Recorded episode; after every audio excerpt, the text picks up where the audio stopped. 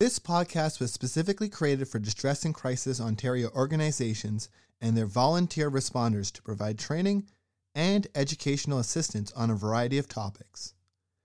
As information evolves and changes, these podcasts are meant to offer ongoing support with the goal of updating them on an ongoing basis. We thank the volunteer responders and the contributors to this podcast. Please visit our website, dcontario.org, for more information and how to access free mental health services. Thank you.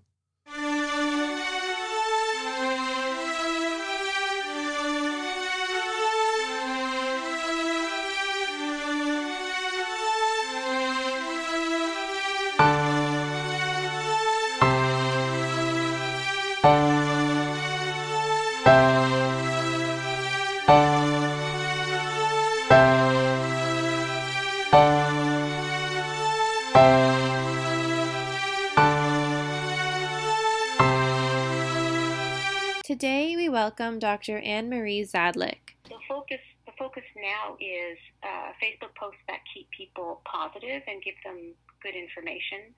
Um, and, and fundraising for local efforts here. I'm raising funds for the Guelph Community Foundation, Mm-hmm. and they're distributing those funds to different charities who are really struggling. Like, it, we have to totally pivot in terms of how we raise funds because we can't hold events, and then raising funds for the programs in Lesotho. So we can totally talk about the fundraising. If you Yeah, we can talk if you if you want to ask the questions about the clinic. I am on the. I meet twice a week with all the physicians in Guelph, um, a Zoom call, uh, and uh, so I know what's happening with the clinic. I just don't work there okay, very much. Okay. So would you be able to tell the listeners like a bit about what the clinics were like when you were working there, or your experience um, with the COVID nineteen virus then?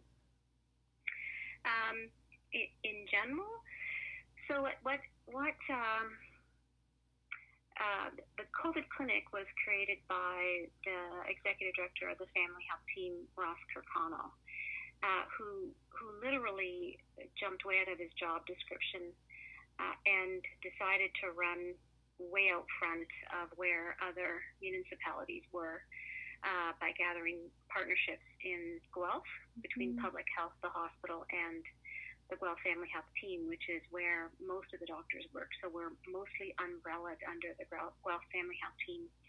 So what they've managed to do is create an incredible space that's huge. It's at the Victoria Road Center um, and uh, can hold 18 physicians and nurse practitioners at a time, maybe more than that, in uh, in cubicles, and people are um, ushered through one at a time, six feet apart, uh, extremely safe. You won't get COVID at that clinic. Um, and then uh, and swabs essentially. What's great about the clinic now is we're going to head into cold and flu season much more quickly than we realize. It'll be upon us in four or five months. We don't expect COVID to have gone too far away from us. As a matter of fact, it's going to be with us for a while.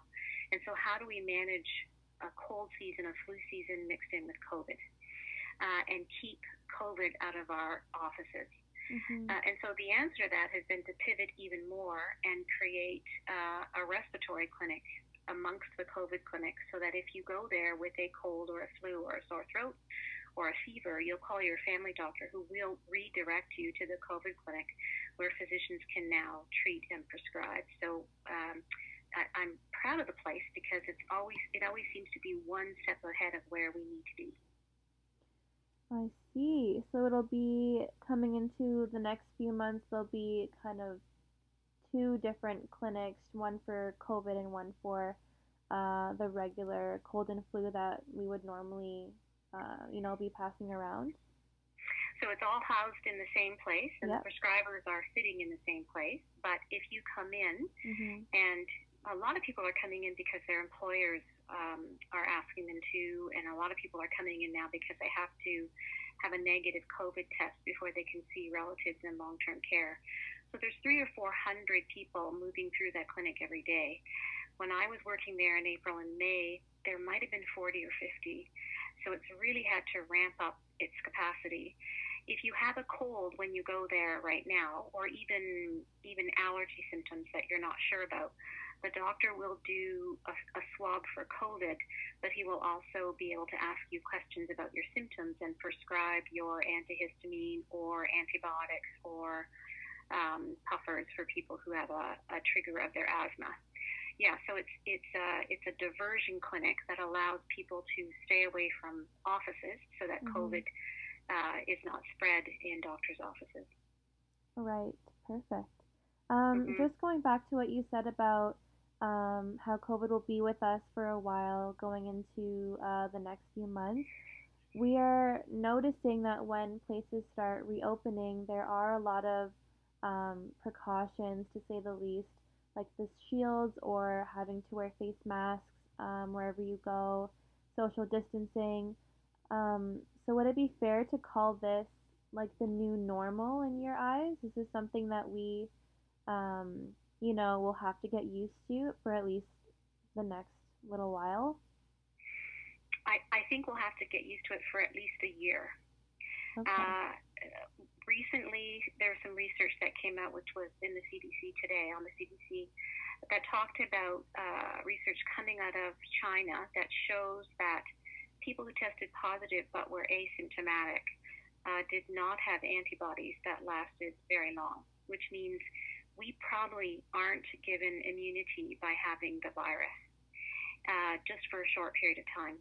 So that means we can't um, we can't wait for herd immunity because people lose their immunity fairly quickly. Mm-hmm. That it's just like the flu. You lose your immunity to the flu if you've had it in October uh, of one year. The next year, you've lost your immunity to it, and so you could get it again, which is why we get a flu shot every year. Mm-hmm. So the COVID 19 vaccine has to be something that we give every year.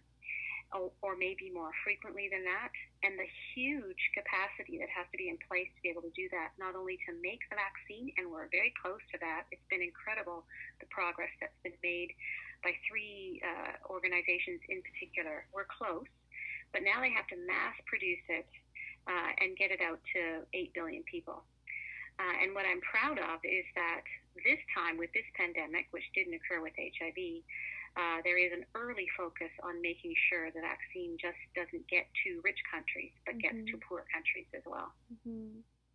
So, are you drawing connections between uh, your experiences working with HIV and with COVID? Like, not that they're the same kind of disease or illness, but that they have like similar um, needs or progressions and that kind of and that kind of thing? In the in the first couple of months of the pandemic, it felt very much like um, uh, the first years of HIV. Mm-hmm. Uh, but it's it's shifted now because it's something that affects all of us, uh, and we're all at high risk of getting COVID nineteen. And so we've had to shift our lives, and we're living it differently uh, than um, than we were before.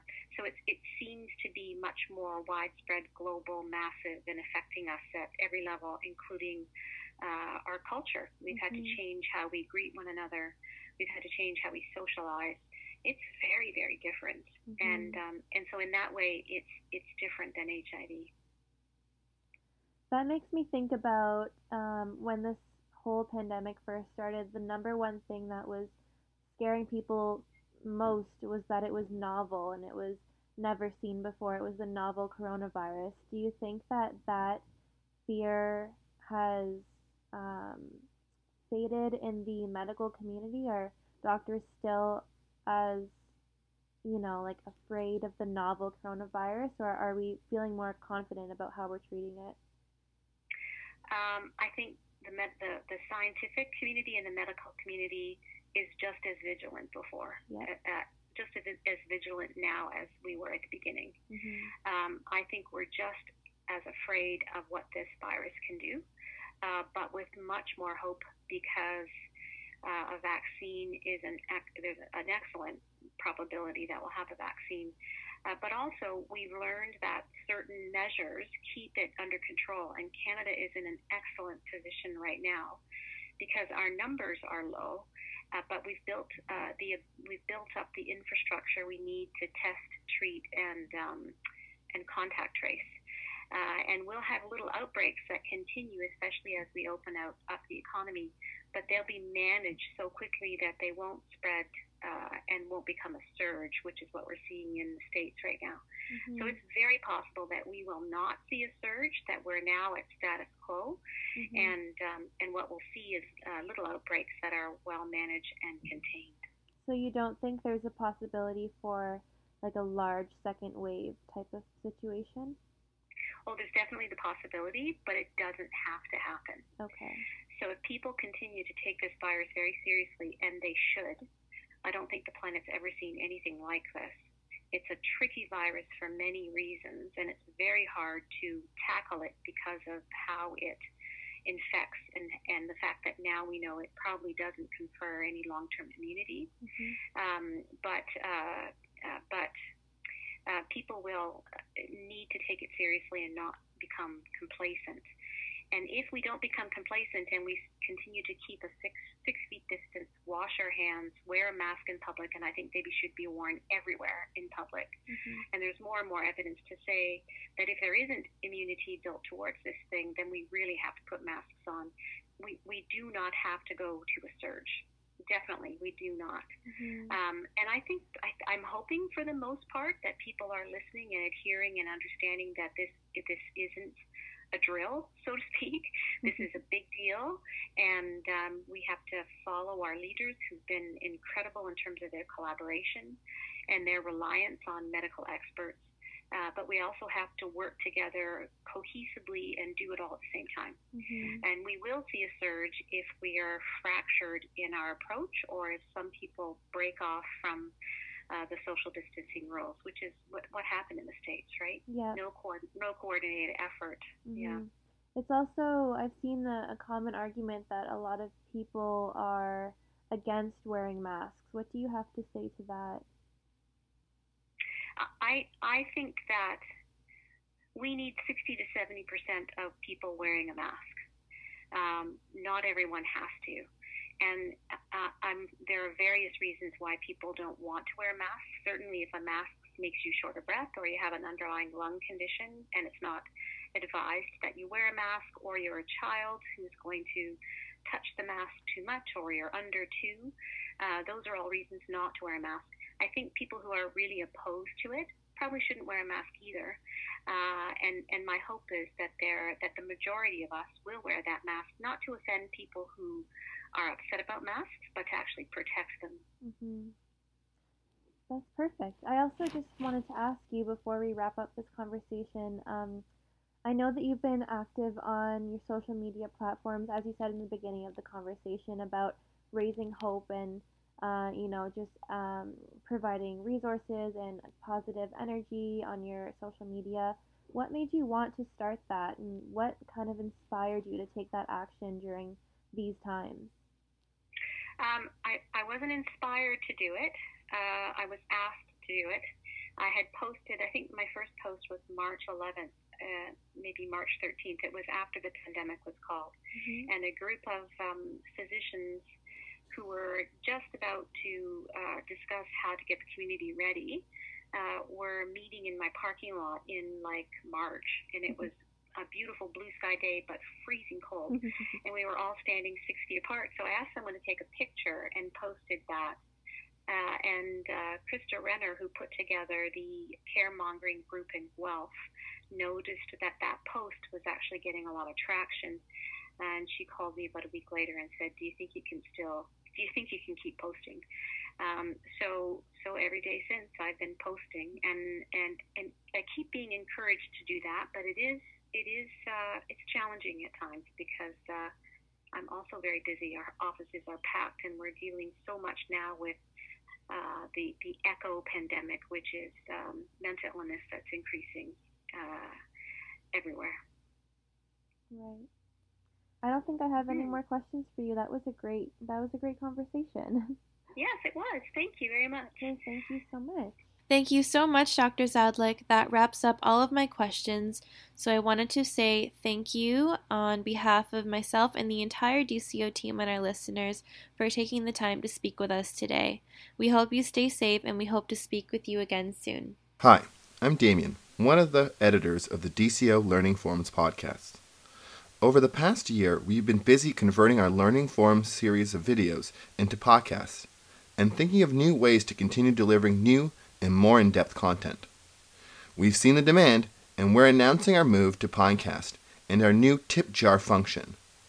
Please consider going to tips.pinecast.com slash jar slash distress and crisis Ontario and donating.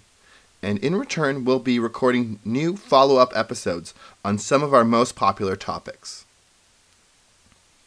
These will be accessible for tippers only and will help pay for travel, web hosting, etc. For the interim, you'll still be able to access existing content on both on both the Pinecast and Fireside feeds for free, but eventually we'll be making the switch to Pinecast. Thank you for your understanding.